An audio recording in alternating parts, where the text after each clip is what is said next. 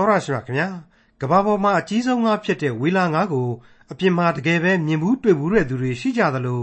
ရုပ်မြင်သံကြားနဲ့ရုပ်ရှင်တွေထဲမှာမြင်ဘူးတွေ့ဘူးတဲ့သူတွေလည်းရှိကြပါလိမ့်မယ်ဒီဝေလာငါလိုကြီးမားတဲ့ငါးကြီးအကြောင်းကိုဒီကနေ့တင်ပြရတော်တမချန်းအစီအစဉ်မှာလေ့လာမှာဖြစ်တဲ့ခရိယန်တမချန်းဓမ္မဟောင်းကျမ်းပိုင်းတွေကယောဘဝိတ္ထုအခန်းကြီး41နဲ့ယောဘဝိတ္ထုရဲ့နောက်ဆုံးအခန်းကြီးဖြစ်တဲ့အခန်းကြီး42မှာတွေ့ရမှာဖြစ်ပါတယ်။ စိတ်ချမ်းသာကိုကျမ်းမာနဲ့ရှိနေတဲ့အချိန်အခါမှာတော့ဖျားရှင်ရဲ့ကျေးဇူးတော်ကိုချီးမွမ်းတယ်လို့စိတ်မချမ်းမသာနဲ့ယောဂဝေဒနာတွေကိုခံစားရတဲ့အချိန်တွေမှာလည်းဖျားရှင်ရဲ့ကျေးဇူးတော်တွေကိုပြန်လဲရည်တွက်ချီးမွမ်းတာဟာပိုးပြီးတော့မွန်မြတ်မှန်ကန်တယ်လို့ဆိုပါတယ်။ဘာကြောင့်အဲ့ဒီလိုပြောရပါသလဲ။ရှေ့ဖြစ်ဟန်ကိုကောင်းကြီးပေးတော်မူသည့်ထက်နောက်ဖြစ်ဟန်ကိုတာ၍ကောင်းကြီးပေးတော်မူသောဖျားဖြစ်တော်မူတယ်ဆိုတာကိုအထင်ရှားတွေ့မြင်ရမှာဖြစ်တဲ့ ယောဘဝတ္ထုအခန်းကြီး41နဲ့ယောဘဝတ္ထုရဲ့နောက်ဆုံးအခန်းကြီးဖြစ်တဲ့အခန်းကြီး42ကိုဒေါက်တာထွန်းမြတ်ရေးကအခုလိုသုံးသပ်ဖော်ပြမှာဖြစ်ပါတယ်။တင်တိရတော်သမာကျမ်းကိုနာတော်တာဆင်နေသူမိတ်ဆွေတို့အဖို့ယောဘဝတ္ထုဟာပြီးဆုံးကနီးနေပါပြီ။ပြီးခဲ့တဲ့အခန်းကြီး39ရဲ့အခန်းကြီး40တို့ရဲ့ဟာကျွန်တော်တို့အဖို့အကျယ်ဖွင့်စရာသိပ်ပြီးမလိုလှတဲ့အတွက်အ ਨੇ အကျဉ်းမျှကိုသာဖြတ်တောက်ဖော်ပြခဲ့ကြောင်းဝန်ခံကြပါ रे ။ဘာပဲဖြစ်ဖြစ် လေလှိုင်းသံအစီအစဉ်တစ်ခုအတွေ့အများနားဆင်နေတဲ့ပြိဿအဖို့အထက်ထပ်ဖြစ်နေမယ့်အချက်တွေကိုဖယ်ရှားတာဟာဝိညာဉ်အနှစ်သာရကိုဖယ်ရှားခြင်းမျိုးအရှင်းပြောလို့မရပါဘူး။ဖန်ဆင်းရှင်ရဲ့လက်ရာတော်တို့ကိုပို့ပြီးတော့ထိရောက်ပြီးပြင်းစွာနားလည်စေဖို့အတွေ့လုံလောက်တဲ့တင်ပြချက်များကိုထိထိမိမိအဓိကထားဖော်ပြသွားခဲ့ခြင်းသာဖြစ်ပါလေ။မိษွေတို့အနေနဲ့ကတော့အလွန်ကောင်းမွန်တဲ့လင်္ကာရသတွေပါဝင်တဲ့ဒီအပိုင်းတွေနှုတ်ကပတ်တော်ရဲ့ ဝတ္ထုတစ်ခုတည်းကအလွန်အလွန်ခမ်းနားထည်ဝါတဲ့ဒီအဖွဲ့အနှွယ်တွေကိုရှုမြင်ပြီးတဲ့နောက်အလွန်အလွန်ကျယ်ဝန်းလှတဲ့ဖန်ဆင်းတော်မူခြင်းကိုတစိမ့်စိမ့်ခန်းစားရယူနိုင်ဖို့အတွက်ဒီအပိုင်းအခြားတွေကိုအသေးစိတ်ဖတ်ရှုသင်လှတဲ့အကြောင်းကျွန်တော်အနေနဲ့ဖြစ်ဆွဲတင်ပြခြင်းပါတယ်ဒီကနေ့အဖို့ကျွန်တော်တို့လေ့လာသွားရမယ်အခန်းကြီး41ကလည်းဒီတိုင်းပါပဲသူ့ကိုအကျယ်တွင်မိမိတို့ဘာသာမိမိတို့ဆက်လက်ဖတ်ရှုဖို့ရန်ကျွန်တော်အနေနဲ့အကြံပြုလိုပါတယ်သူ့ရဲ့အနှစ်ချုပ်အပိုင်းများကိုတော့ ကျွန်တော်ကအခုလိုဖော်ပြတင်ဆက်ပေးသွားပါမယ်အခန်းကြီး41အငယ်1နဲ့2လဝိသံကိုငမြားနှင့်ဆွဲယူ၍သူ၏ရှာကိုကျိုးနှင့်နှိပ်နင်းမိလောသူ့ကိုနှာရှုပ်တက်၍ပါယိုး၌တန်ခွင်းရှုမိလောအခန်းကြီး40မှာတော့ကကျွန်တော်တို့ဏီကုန်းပိုင်းကဘေဟမုတ်မြင်းအကြောင်းကိုခြံရစ်ခဲ့ပါတယ်ရှင်းမပြခဲ့ပါဘူးအခုအချိန်မှာကျတော့ လဝိသန်လို့ခေါ်တဲ့အေယာမပင်လယ်ငါးကြီးအကြောင်းကိုအခန်းကြီး41တစ်ခုလုံးဟာထုံမှန်းသွားပြီဖြစ်ပါတယ်အခန်းကြီး40တုန်းကဘေဟမုတ်မြင်းဆိုတာဟာရေမြင်းကြီးတွေကိုဖော်ပြတာဆိုပြီးတော့သူ့တေတီတွေကဖော်ပြကြသလိုအခုလဝိသန်ကြတော့လေအေယာမအသားစားတတ္တဝါမိချောင်းကြီးတွေကိုဆိုကျင်တာပါဆိုပြီးပြောကြပါတယ်ကျမ်းတစ်ခုလုံးကိုဖတ်ပြီးတော့မှခြုံငုံကြည့်ရင်တော့ဝေလငါးကြီးများလို့ ရှေးခေတ်ရေတတ္တဝါကြီးတစ်မျိုးဖြစ်တယ်လို့ကျွန်တော်ခံယူမိပါတယ်ဘယ်လိုပဲဖြစ်ဖြစ်ဒီအေယာမတတ္တဝါတို့အကြောင်းကိုဖွင့်ဆိုတာဟာဘုရားသခင်ရဲ့ဖန်ဆင်းတော်မူခြင်းအကြောင်းကိုသာအဓိကထားပြီးတော့ဖော်ပြတာဖြစ်ပါတယ်အလွန်တရာပြည်ပြင်းပါတယ်တိကျပြတ်သားပါတယ်အံ့ဩပွေသောနှုတ်ကပတ်တော်စာပေများဖြစ်ပါတယ်ဆိုတာကိုဘယ်သူမှမငင်းနိုင်တဲ့အပိုင်းတည်းကြီးပဲဖြစ်ပါတယ်မိษွေတို့အနေနဲ့ဒါကိုဖတ်ရှုကြည့်ကြပါ အခုခေတ်မှာဒိုင်နိုဆောဆိုတဲ့တတ္တဝအယိုးစုကြီးတွေအကြောင်းကိုစဉ်းစားကြသလိုလေအခြေခံပြီးတော့စဉ်းစားကြည့်ကြပါလို့ကျွန်တော်ကတိုက်တွန်းလိုက်ပါတယ်ယောဘဝတ္ထုအခန်းကြီး41အငယ်7မှ73ငါသည်ကျေးဇူးတုံ့ပြန်ရမည်အကြောင်းအဘယ်သူသည်ငါ၌ကျေးဇူးပြုဘူးသနည်းမိုးကောင်းကင်အောက်၌ရှိရှိသမျှတို့သည်ငါ၏ဥစ္စာဖြစ်ကြ၏လဝိသန်၏အင်္ဂါများတင့်တယ်သောတန်စာတို့ကိုငါသည်ဖွဲ့၍မထား သူ၏အဝတ်ကိုအဘယ်သူလှန်နိုင်သနည်းနှစ်ထပ်ရှိသောပါယုကိုအဘယ်သူချင်းကပ်လိမ့်မည်နည်းဒီလဝိသန်ငါးကြီးအကြောင်းကိုကျွန်တော်မသိပါဘူးသဲကန္တာယသားတွေလည်းဖြစ်ရှေးကာလလူသားတွေလည်းဖြစ်တဲ့ယောဘအေလိဟုအေလိဖတ်နဲ့တကွဘိလဒတ်ဇောဖာအပါအဝင်ဒီဇက်လန်တွေကဇက်ယံပရိသတ်တွေဟာလေဘာမှသိကြလိမ့်မယ်လို့ကျွန်တော်မထင်ပါဘူးဒါပေမဲ့ဘုရားသခင်ရဲ့ဗျာဒိတ်တော်ကတော့အသေးစိတ်ဖွင့်ဆိုဖော်ပြနေပါတယ် ကျွန်တော်ဟာဖန်ဆင်းခြင်းအကြောင်းကိုရှင်းလင်းခဲ့တုန်းကအစအဦး၌ဆရာဟာလူသားကိုမဖန်ဆင်းခင်ဘလောက်ကွာဝေးတဲ့အချိန်ကမှဘယ်သူမှမသိနိုင်ဘူးအဲ့ဒီအစအဝေးရဲ့ရှည်လျားခြင်းဟာဘလောက်ဆရာကိုအနန္တကာလဖြစ်တဲ့ကြောင်မတိုင်းတာနိုင်ပါဘူးလူကဘာမတိုင်ခင်ကအခြားသောသက်ရှိကဘာတစ်ခုခုလေရှိကောင်းရှိနိုင်လိမ့်မယ်အခြားသောသက်ရှိလောကဆိုတာဟာလေရှိခြင်းရှိနိုင်တယ်မြေကြီးသည်လွတ်လပ်လဟာဖြစ်၏ဆိုတာဟာဘုရားသခင်ကခစ်တစ်ခုကိုဖျက်ဆီးပစ်ခဲ့လို့ အယုတ်ဆိုးအကြီးတန်ပြီးကြံခဲ့တာဖြစ်နိုင်တယ်လို့ပြောခဲ့ပူပါတယ်မိတ်ဆွေအပေါင်းတို့ခမညာနှုတ်ကပတ်တော်ရဲ့အပိုင်းအခြားပေါင်းမြောက်များစွာမှာဖျားသခင်ဟာလူသားတွေသိစေချင်တာကိုရှင်းရှင်းလင်းလင်းဖော်ပြလိရှိပါတယ်။ဒါပေမဲ့ဖျားသခင်ကသာမဖော်ပြခြင်းမှုဆိုရင်တော့လူသားဟာဘယ်လို့မှအတိအကျမသိနိုင်ပါဘူး။အဲ့တော့ဘယ်သူမှမသိနိုင်တဲ့အရာကိုစိတ်ကူးယင်မယ်ဆိုရင်ယင်ခွင့်ရှိတယ်လို့ကျွန်တော်တင်ပြခဲ့ပါသေးတယ်။မဖြစ်နိုင်ဘူးဆိုပြီးတော့ဘာအတိတ်မှမရှိဘဲနဲ့ဒီကဘာကိုဖန်ဆင်းခဲ့တယ်ဆိုရင် ဒါဟာကျေးဇူးတော်ပဲ။ပြီးတော့အဲ့ဒီလိုဖြစ်နိုင်ပွဲတွေအမျိုးမျိုးနောက်မှမှလူကဘာအသစ်ကိုအဲ့ဒီအကြီးတန်းမြေကြီးပေါ်မှာထပ်မံတိဆောက်ပေးတယ်ဆိုရင်ကောကျွန်တော်ကတော့ရှင်းရှင်းပဲဒါဟာလေကျေးဇူးတော်တက်တက်ပဲပြီးတဲ့နောက်မှာတော့လုံးဝတဲ့ကဘာကြီးကိုဘုရားသခင်ဟာအချိန်မှန်လဲပတ်စီတယ်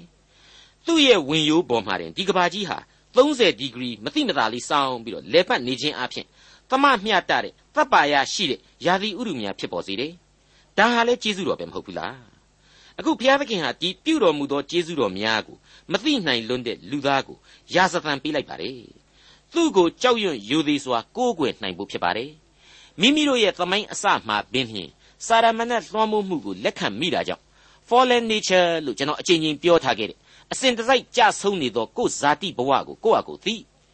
သူ့ကိုယ်သာလျှင်နောင်တနှလုံးသားကျိုးပဲ့ကြေမွသောစိတ်ထားများနှင့်တိုးဝင်ချင်းကပ်ကြဖို့ရန်ဘုရားသခင်ဟာအလိုတော်ရှိပါတယ် အဲ့ဒါဟာသူ့အတွက်ဟုတ်ပါသလားသူဘုံကြည့်ဖို့များလားအရှင်းမဟုတ်ပါဘူးယောဘတို့အတွက်ဖြစ်ပါတယ်ယနေ့ကျွန်တော်တို့အတွက်ဖြစ်ပါတယ်သမိုင်းတစ်ခုလုံးအတွက်ဖြစ်ပါတယ်ဒါဟာလေကျေးဇူးတော်ပဲဖြစ်ပါတယ်ခင်ဗျာ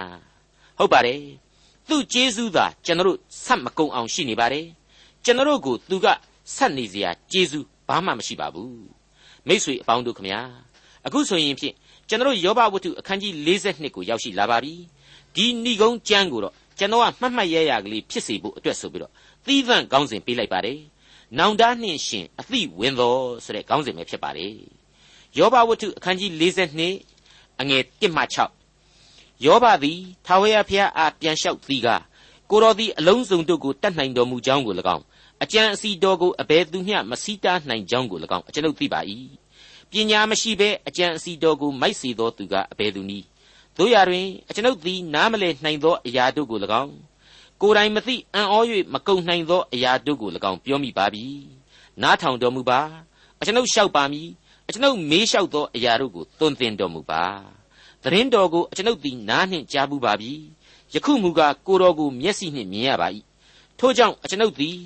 ကိုကိုကိုယွန်ရှာပါ၏မြေမှုန့်နှင့်မိဖို့ပြာ၌ထိုင်၍နောင်တရပါ၏ဟုလျှောက်လေ၏ ဖျားသခင်သည်အလုံးစုံကိုတတ်နိုင်ပါ၏အကြံအစီတော်တို့ကိုအဘယ်သူမျှမစိတနိုင်ပါတဲ့ယောဘကြွေးကြော်လိုက်ပါတယ်ဟုတ်ပါတယ်ဒါကိုယောဘကောင်းကောင်းကြီးသဘောပေါက်သွားပါပြီထိထိမိမိကြီးနားလည်သွားပါပြီစဉ်းစားလိုက်တော့လေအကုန်လုံးသောဒုက္ခဒုက္ခတို့ဆိုတာတွေဟာသူ့ရဲ့ကျေးဇူးတော်ကြီးဖြစ်နေပြီမဟုတ်ဘူးလားအဲ့ဒီလိုယောဘဟာလေသံအကြီးအကျယ်ပြောင်းပြီးတော့မှအခုဆက်ပြီးပြောပါတယ်အဲ့ဒီအကြံအစီတော်တို့ဆိုတာကိုစီတာဖို့နေနေတသာ ဘာမှညာမှန်းလဲကျွန်တော်မျိုးမသိပါဘူးမသိဘဲနဲ့စွတ်စွတ်ရွရွပြောခဲ့မိတာဒီအတွက်လေတောင်းပန်ပါတယ်ခမညာတဲ့ဟုတ်ပါတယ်ဘုရားသခင်အကြံအစီတော်ဆိုတာကိုနားလေဖို့အသာထားလောကမှာလူနဲ့ပတ်သက်တဲ့ပညာမှန်သရွေ့အကုန်သိတဲ့လူဆိုတာတောင်ရှိလို့လား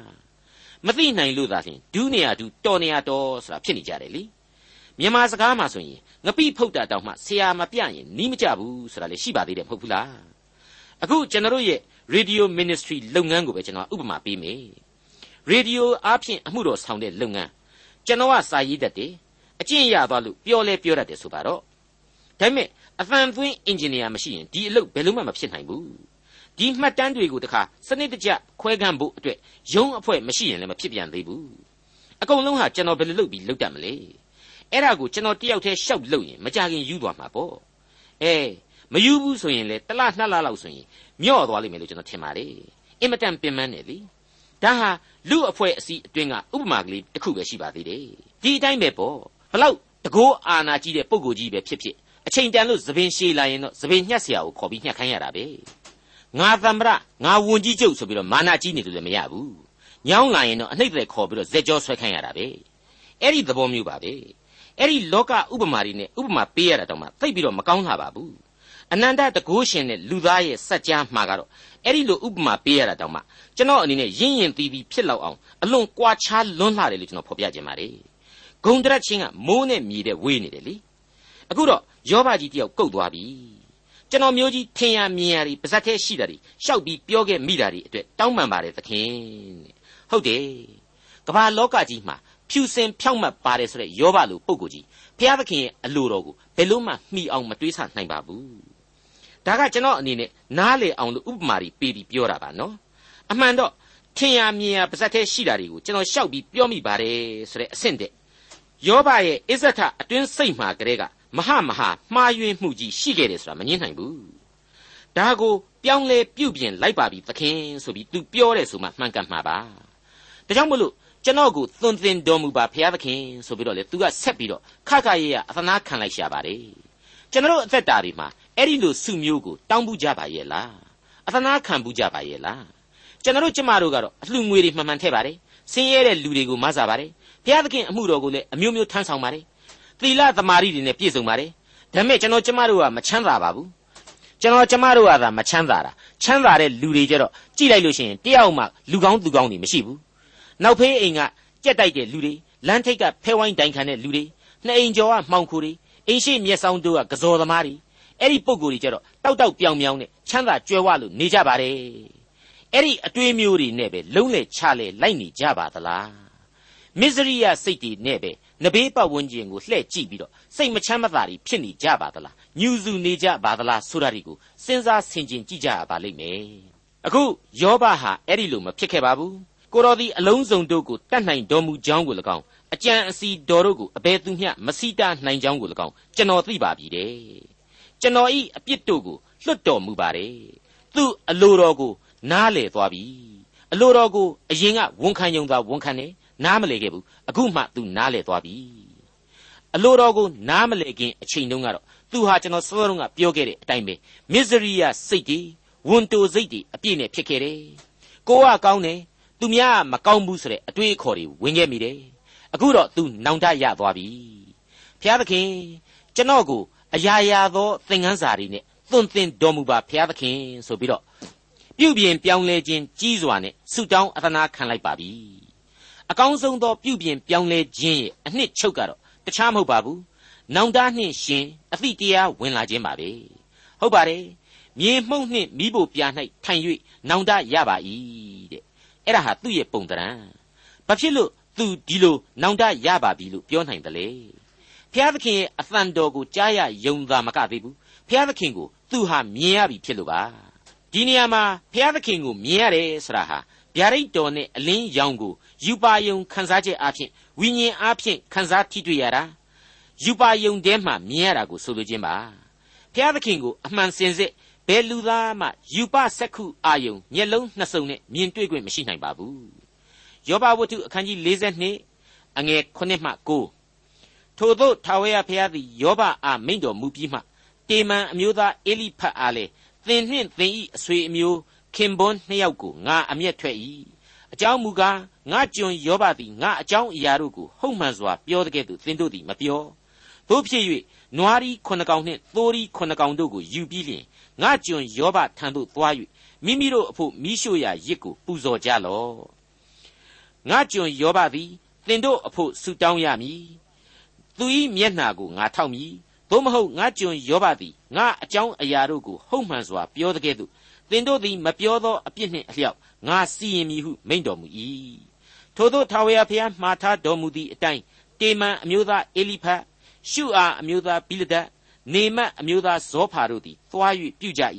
ထာဝရဘုရားသည်လည်းယောဘ၏မျက်နှာကိုထောက်တော်မူ၏မိษွေတော်တတ်ရှင်အပေါင်းတို့ခမညာ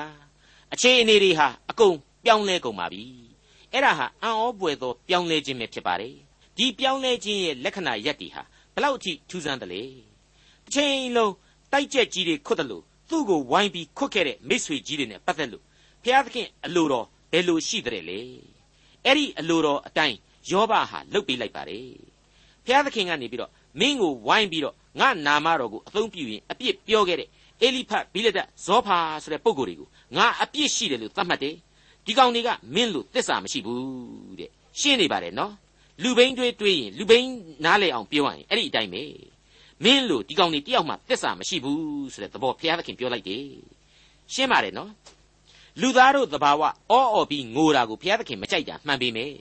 လူတွေရဲ့အတွင်းနှလုံးသားကို तू သိတယ်ဆိုတာဟာရှင်းနေပြီတနည်းအားဖြင့်လူသားရဲ့ရိမ့်ရွက်ဖောက်ပြန်တတ်ခြင်းကိုဘုရားသခင်အသိအမှတ်ပြုတယ်ကြောက်တိုင်ကြီးများလို့အတီပေါက်သယမ်းနေတာကိုမကြိုက်ဘူး အလျှော့မပေးတဲ့မာမာနစိတ်ဓာတ်ကိုဘုရားသခင်မကြိုက်ဘူးဒါကြောင့်မလို့မင်းစီမှာတို့ကလာပြီးတော့အပြစ်ပြေရပြေချောင်းမိရှို့ရရစ်ကိုပူဇော်ကြစေမင်းကလည်းသူတို့အတွက်ဆုတောင်းပေးစေအဲ့ဒီလိုသာဆိုရင်မင်းရဲ့မျက်နှာကိုငါထောက်ထားပြီးတော့သူတို့ရဲ့အပြစ်ကိုလွှတ်မယ်တဲ့ဒီနေရာမှာယောဘကိုယ်တိုင်ကလူနဲ့ဘုရားသခင်ကြားမှာလူဖြစ်တဲ့အမှုဆောင်ကိုတန်တခဲ့တဲ့သဘောတရားအတိုင်းသူကိုယ်တိုင်ထပ်မံဖြစ်လာတာကိုကျွန်တော်တို့ပြန်ပြီးတွေ့ရပါတယ် ဝိညာဉ်တော်တကောနဲ့အေလိဟုပါဝင်ပြီးတော့ယောဘကိုစကားပြောခဲ့တုန်းကလေဒီသဘောမျိုးပဲမဟုတ်ဘူးလားနှုတ်ကပတ်တော်ဟာကိုစားကံကဲတင်ရှင်လိုအပ်နေတဲ့အကြောင်းကိုအစဉ်တစိုက်ဖော်ကျူးနေတယ်လို့ကျွန်တော်ဆိုချင်ပါတယ်လောကလူသားအပြစ်သားတို့နဲ့ဖျားသခင်ကြားမှာကိုစားကံအမှုဆောင်ဆိုတာဟာအစဉ်တစိုက်လိုအပ်နေကြောင်းကိုဘုရားသခင်ဖော်ပြခဲ့တယ်။ဒါဟာတစ်ချိန်သောကာလမှာကယ်တင်ရှင်သခင်ခရစ်တော်ကို မြေပေါ်ကိုဘုရားသခင်ဆေလွတ်မယ်ဆိုတဲ့အနာဂတ်ကိုဖွင့်ဆိုလိုက်ခြင်းပဲလို့ကျွန်တော်တင်ပြခြင်းပါတယ်။ဟုတ်ပါတယ်။ကယ်တင်ရှင်သခင်ခရစ်တော်အားဖြင့်သာလောကကဘာမြေအဖို့ကယ်တင်ခြင်းကျေးဇူးတော်တည်ရှိရလိမ့်မယ်ဆိုတာကိုကဘာဦးအချိန်ကာလကလေးကကျွန်တော်တို့တွေ့ခဲ့ကြပြီဖြစ်ပါတယ်။အခုယောဘကနေပြီးတော့သူ့မိษွေကြီးတွေအတွက်ရစ်ပူဇော်ပေးရတယ်။ဆုတောင်းပေးရတယ်ဆိုတဲ့အဖြစ်တွေဟာကယ်တင်ခြင်းကျေးဇူးတော်ကိုလူသားများအတွက် လူသားတဦးကကိုစားကံဆောင်ရွက်ပေးရတယ်ဆိုတဲ့အရေးကြီးသောသင်ခန်းစာကြီးတစ်ခုကိုဖော်ပြလိုက်ခြင်းနဲ့အတူတူပဲဖြစ်ပါတယ်။ကယ်တင်ရှင်သခင်ခရစ်တော်ဟာဘာကြောင့်လူစားတိကိုခံယူပြီးတော့မှလူသားတို့အတွက်ကယ်တင်ခြင်းအမှုတော်ကိုဆောင်ရွက်ပေးရတယ်ဆိုတဲ့သစ္စာတရားအမှန်ကိုကျွန်တော်အနုလုံပြိလုံဆင်ခြင်စဉ်းစားပြီးတော့အတိတ်ဘယ်ကိုနားလည်နှိုင်ကြပါစေလို့ဆုတောင်းမေတ္တာပို့သလိုက်ပါတယ်။တစ်ချိန်တည်းမှာပဲအပြစ်လောကသားတဦးတယောက်ကနေပြီးတော့ သူ့ရဲ့တခြားအပြစ်ရှိသူမိษွေသင်္ကားတွေအတွက်ကောင်းမှုကိုပြုပေးတယ်။အပြစ်ကိုဖြေပေးတယ်ဆိုတာဟာလေအလွန်ကောင်းမွန်တဲ့လောကနီတိကြီးတစ်ခုအဖြစ်တစ်ဖက်ကကျွန်တော်တွေ့ရပြန်ပါသေးတယ်။ဂလာတိဩဝါဒစာအခန်းကြီး6အငယ်1ကိုမိษွေတို့ကြည့်မယ်ဆိုရင်ဂလာတိအသင်းတော်အတွက်တမန်တော်ကြီးရှင်ပေါလုတိုက်တွန်းနှိုးဆော်ခဲ့တဲ့အချက်ဟာအခုလိုဖြစ်ပါတယ်။ညီအကိုတို့လူသည်သတိလစ်၍တစုံတစ်ခုသောဒုစရိုက်ကိုပြုမိလျင် ဝိညာဉ်စုကျေးဇူးကိုခံရသောသင်တို့သည်အပြစ်သွေးဆောင်ခြင်းနှင့်ကိုယ်တိုင်လွတ်မြည်အကြောင်းကိုကိုကိုသတိပြုလျက်သိမ်မွေ့နူးညံ့သောသဘောနှင့်ထိုသို့သောသူကိုမဆာ၍သူ၏နေရာ၌တည်မြဲတည်စေပြန်ကြလော့လို့ဆိုထားပါတယ်ကျွန်တော်တို့ဟာမိမိတို့ရဲ့အသက်တာအတွက်ခံရတဲ့ဝိညာဉ်စုကျေးဇူးများကို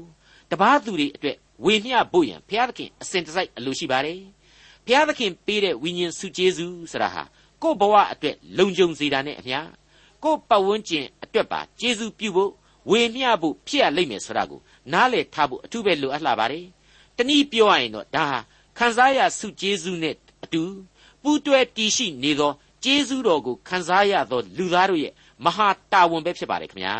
ယောဘဝတ္ထုအခန်းကြီး42အငယ်30နဲ့17ယောဘသည်အဆွေခင်ပွန်းတို့အဖို့ဆူတောင်းပြီးမှသူခံရသောဒုက္ခအကြောင်းကိုထာဝရဘုရားသည်ပယ်ရှင်း၍အရင်တက်နှစ်ဆသောဥစ္စာကိုပေးတော်မူ၏ ထိုအခါသူ၏ညီကိုမောင်တို့များအရင်သိကျွမ်းသောသူများအပေါင်းတို့သည်သူ့ထံသို့လာ၍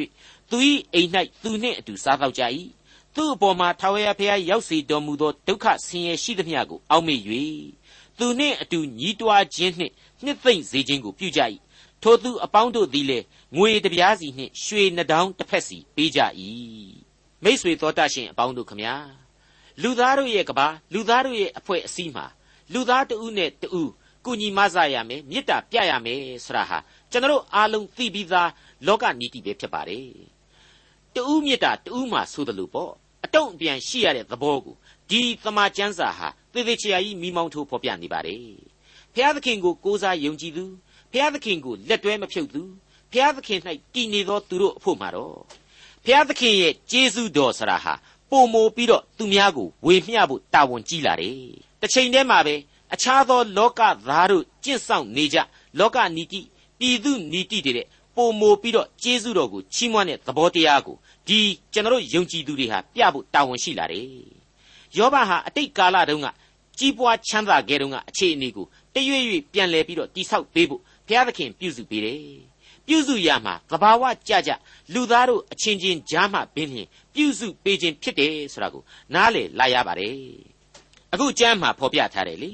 ထိုသူအပေါင်းတို့သည်လေငွေတပြားစီနှင့်ရွှေနှတောင်းတစ်ဖက်စီပေးကြ၏တဲ့ဒီတော့ဟောဟောတိုင်းတိုင်းပဲပတ်ဝန်းကျင်ရဲ့မှေးမကူညီမှုနဲ့အခြေအနေတွေဟာပြန်ပြီးမြင့်လာခဲ့ပြီဆိုတာတွေ့ရပြီမဟုတ်ဘူးလားကျွန်တော်တို့ဒီအပိုင်းမှာအထူးကပီးတင်တဲ့တင်တိုက်တဲ့အချက်ကတော့သူ့အပေါ်မှာထာဝရဘုရားရောက်စေတော်မူသောဒုက္ခဆင်းရဲရှိသမျှကိုအောက်မေ့၍သူနှင့်အတူညီးတွားခြင်းနှင့်နှစ်သိမ့်စေခြင်းကိုပြုကြ၏ဆိုတဲ့အချက်ပါဟုတ်ပါတယ် ကောင်းကြီးမင်္ဂလာတွေကိုရေတွက်ချီးမွမ်းတာဟာအလွန်ကောင်းတဲ့အလုပ်ဖြစ်ပါတယ်ဒုက္ခဆင်းရဲခြင်းတွေကြားကကျေးဇူးတော်ချီးမွမ်းခြင်းဆိုတာကတော့ပို့ပြီးတော့မွန်မြတ်မှန်ကန်ကောင်းမွန်တဲ့အလုပ်ဖြစ်ပါတယ်ဖျားသခင်နှစ်သက်တဲ့အလုပ်ဖြစ်ပါတယ်ယောဘဝတ္ထုအခန်းကြီး42အငယ်7မှ15ထို့သောထာဝရဘုရားသည်ယောဘဤရှေ့ဖြစ်ဟန်ကိုကောင်းကြီးပေးတော်မူသည်တဲ့နောက်ဖြစ်ဟန်ကိုသာသာ၍ကောင်းကြီးပေးတော်မူသဖြင့်သူသည်သိုးတစ်ပေါင်း၄တောင်ကလအုပ်6ထောင် နွားရှင်တစ်ထောင်မြဲမတစ်ထောင်ကိုရရ၏သား9ယောက်နှင့်သမီး3ယောက်ကိုလည်းရပြန်၏သမီးကြီးကယေမိယသမီးလက်ကကေစီသမီးငယ်ကကေရင်ဟုတ်ပတ်အမည်ရှိသည်တပြည်လုံး၌ယောဘဤသမီးကဲ့သို့လှသောမိမတစုံတယောက်မျှမရှိသူတို့၏အဖသည်သူတို့မောင်များနှင့်အညီအမျှသူတို့အားအမွေဥစ္စာကိုဝေပေးလေ၏မိษွေတော်တတ်ရှင်အပေါင်းတို့ခမညာအခုဆိုရင် ယောဘရဲ့ရုတ်တရက်ပြန်လဲကြီးပွားချမ်းသာလာပုံအကြောင်းကိုပြန်ပြီးတွေ့ရပါပြီ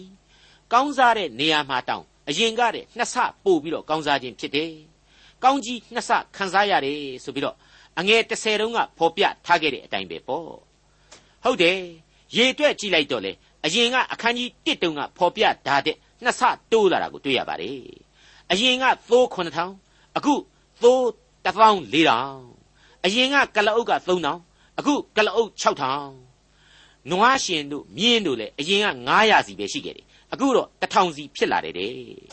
ထူးတာကတော့နော်သား9ယောက်နဲ့သမီး3ယောက်တို့ကိုလည်းရပြန်ခြင်းတဲ့အဲ့ဒါကြတော့ကနန်းတွက်တဲ့သင်္ချာမျက်စိနဲ့ကြည့်ရင်နှစ်ဆမဟုတ်တော့ဘူးအခန်းကြီး1တုန်းကလည်းသား9ယောက်နဲ့သမီး3ယောက်အခုလည်းသား9ယောက်နဲ့သမီး3ယောက်တဲ့အဲ့တော့ဘယ်လုပ်ပြီးနှစ်ဆဖြစ်နိုင်ပါမလဲ ဒါဆိုရင်ဘုရားသခင်ကကောင်းကြီးတွေနှစ်ဆပေးတယ်ဆိုတာမဟုတ်တော့ဘူးတဲ့လားညာတာတဲ့လားဒါမှမဟုတ်ရင်လေအတိတ်ဘယ်ကပါတဲ့လေမညာပါဘူးအတိတ်ဘယ်ကလည်းအလွန်ရှင်းလာပါလေ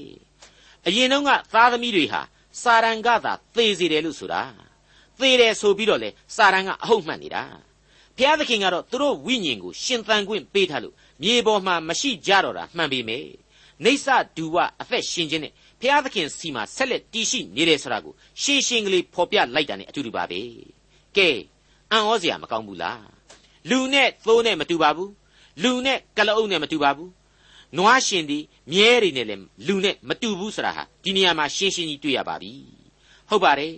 လူသားဟာဝိညာဉ်အားဖြင့်ရှင်သန်ရတဲ့ဘုရားသခင်ရဲ့သားသမီးများပဲဖြစ်ပါတယ်မိษွေအပေါင်းတို့ခမညာဒီအပိုင်းရောက်တော့မှပဲ သဘောပေါက်လာရတဲ့နောက်ထပ်အချက်ကြီးတစ်ခုကတော့အင်မတန်ပူညံပူညံလှုပ်တတ်တဲ့ယောဘမိမကိုစာရမဏဟာမသေးစီခဲ့တာဟာဘုရားသခင်ကအကာအကွယ်တစ်ခုခုပေးခဲ့လို့ဆိုတဲ့အချက်ပါပဲအခုသူ့ကိုအသက်ရှင်ခွင့်ပြုခဲ့ခြင်းဟာဘာကြောင့်လဲဆိုတာဒီနေရာမှာအတိတ်ပဲပေါ်လာပါပြီယောဘကိုဒုက္ခတွေအကြီးအကျယ်ရောက်နေတဲ့အချိန်မှာဒီမိမအားပေးခဲ့တဲ့အသံကိုမှတ်မိကြပါတယ်နော်ကိုယောဘကိုယောဘရှင့်ဖျားသခင်ကိုစွန့်ပြီးတော့သေလိုက်တဲ့ အခန်းကြီး2အငယ်6မှာအဲ့ဒီအတိုင်းတွေ့ကြရပါတယ်အဲ့ဒီတုန်းကသူဟာသူ့ယောက်ျားကိုသေစေခြင်းတာဟာသနာလို့လည်းဖြစ်နိုင်တယ်ဒါမှမဟုတ်ရင်လေတကယ်လေဒီလောက်ဆိုးတဲ့ဘဝသေရင်ကောင်းတာပဲဆိုတဲ့အတွေးမျိုးနဲ့လည်းဖြစ်နိုင်ပါတယ်ဒီအကြောင်းကိုကျွန်တော်ရှင်းပြခဲ့ပြီးပါပြီအခုတော့ဒီမိမဟာယောဘအတွက်နောက်ထပ်ကောင်းကြီးတွေအဖြစ်သားသမီး10ယောက်ကိုဆက်လက်မွေးဖွားပေးရပြီဒါကိုတချို့ကအတိတ်ပဲမရှိဘူးတဲ့ရှိလိုက်သမှကဘာဦးကျမ်းကိုသာပြန်ကြည့် အသက်80ကျော်မှစာရာဟာဣဇက်ကိုမွေးဖွားခဲ့တယ်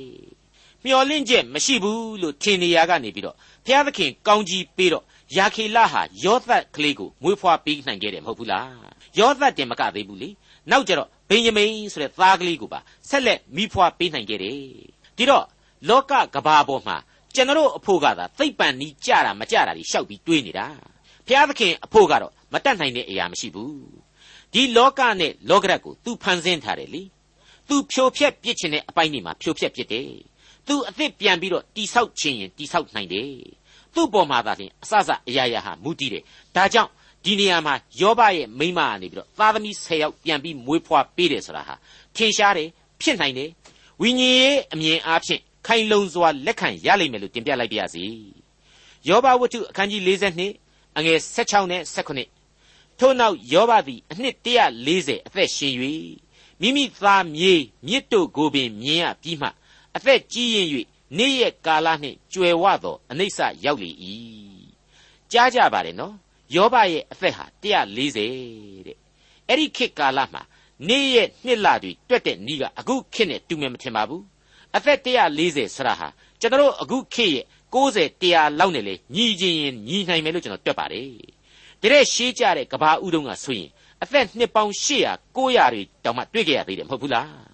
အခုယောဘဟာအနှစ်140ရှိတယ်ဆိုတော့ဒါဟာဣဇက်ယာကုပ်ယောသတ်တို့ရဲ့ခေတ်နဲ့တပြေးတည်းဖြစ်တယ်ယောဘဝတ္ထုဟာဣသရေလလူမျိုးရဲ့စတင်အမိပေးသတ်မှတ်ချိန်ကဝတ္ထုတပုတ်ပဲဆိုတာကိုဒီအချက်တွေအရပို့ပြီးတော့အဖြေတွက်နိုင်တယ်။ကိုက်ညီမှုရှိကြောင်းအဖြေထုတ်ယူနိုင်တယ်လို့ကျွန်တော်ခံယူမိပါတယ်။ မိษွေတော်တတ်ရှင်အပေါင်းတို့ခမညာအလွန်ရှည်လျားလာတဲ့ဝတ္ထုကြီးတပုတ်လို့ဆိုနိုင်တဲ့ကဘာဦးကာလကယောဘဝတ္ထုကတော့ဒီနေရာမှာတင်ပြီးဆုံးသွားပါပြီ။ဒါပေမဲ့ယောဘဝတ္ထုနဲ့ပတ်သက်တဲ့စဉ်းစားဆင်ခြင်စရာတွေရယူစရာသင်ခန်းစာတွေအမြောက်အများဟာကျွန်တော်ရဲ့ယင်ထဲမှာခိုအောင်ပြီးကြံရစ်ခဲ့လိမ့်မယ်လို့ကျွန်တော်လေးနဲ့စွာယုံကြည်မိပါတယ်။စုံလင်ဖြောက်မှတ်သောလူသားတစ်ယောက်၌ပင်လျှင်ဘုရားသခင်ကိုယုံကြည်ကိုးကွယ်ရမှာယုံကြည်ခြင်းရဲ့မာနထားလို့မရဘူး။